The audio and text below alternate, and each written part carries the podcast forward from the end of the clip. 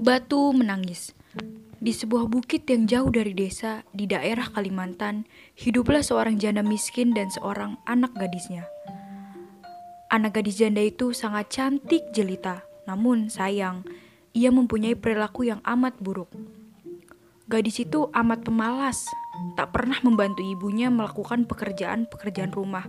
Kerjaannya hanya bersolek setiap hari. Selain pemalas, Anak gadis itu sikapnya manja sekali. Segala permintaannya harus dituruti. Setiap kali ia meminta sesuatu kepada ibunya harus dikabulkan. Tanpa memperdulikan keadaan ibunya yang miskin, setiap hari harus membanting tulang mencari sesuap nasi. Pada suatu hari, anak gadis itu diajak ibunya turun ke desa untuk berbelanja. Letak pasar desa itu amat jauh, sehingga mereka harus berjalan kaki yang cukup melelahkan. Anak gadis itu berjalan melenggang dengan memakai pakaian yang bagus dan bersolek agar orang di jalan yang melihatnya akan mengagumi kecantikannya itu. Sementara ibunya berjalan di belakang sambil membawa keranjang dengan pakaian yang sangat dekil. Karena mereka hidup di tempat terpencil, tak seorang pun mengetahui bahwa kedua perempuan yang berjalan itu adalah ibu dan anak.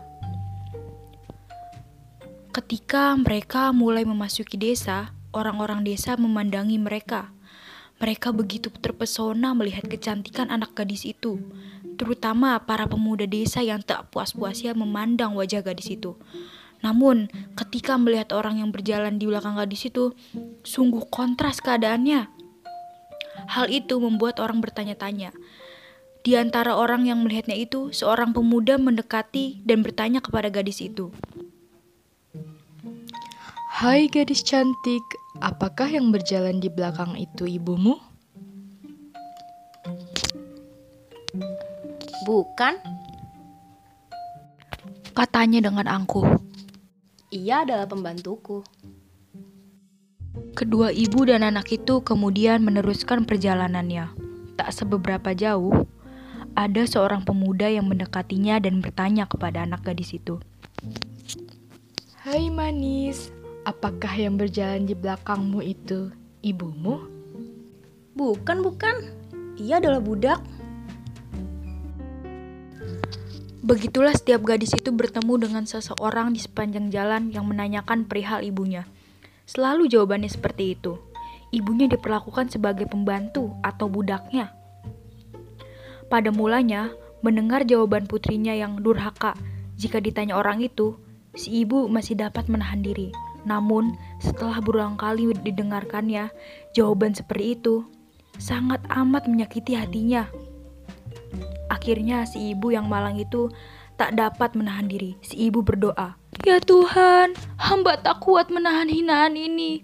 Anak kandung hamba begitu teganya memperlakukan diri hamba sedemikian rupa.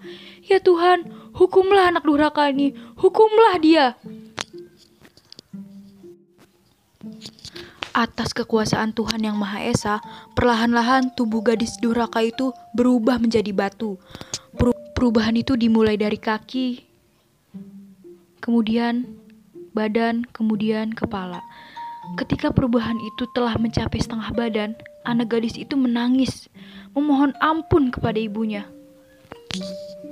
Oh, ibu, ibu, ampunilah saya. Ampunilah anakku yang durhaka ini, ibu. Ibu, ampunilah anakmu.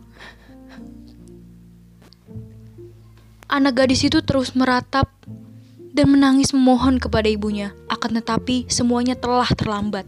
Seluruh tubuh gadis itu akhirnya berubah menjadi batu. Sekalipun menjadi batu, orang-orang dapat melihat bahwa kedua matanya masih menitikan air mata, seperti sedang menangis. Oleh karena itu, batu yang berasal dari gadis yang mendapat kutukan ibunya itu disebut batu menangis. Demikianlah cerita berbentuk legenda ini yang oleh masyarakat setempat dipercayai bahwa kisah itu benar-benar pernah terjadi. Barang siapa yang durhaka kepada ibu kandungnya yang telah melahirkan dan membesarkannya, pasti perbuatan laknatnya itu akan mendapatkan hukuman dari Tuhan yang Maha Kuasa. Sekian dan terima kasih.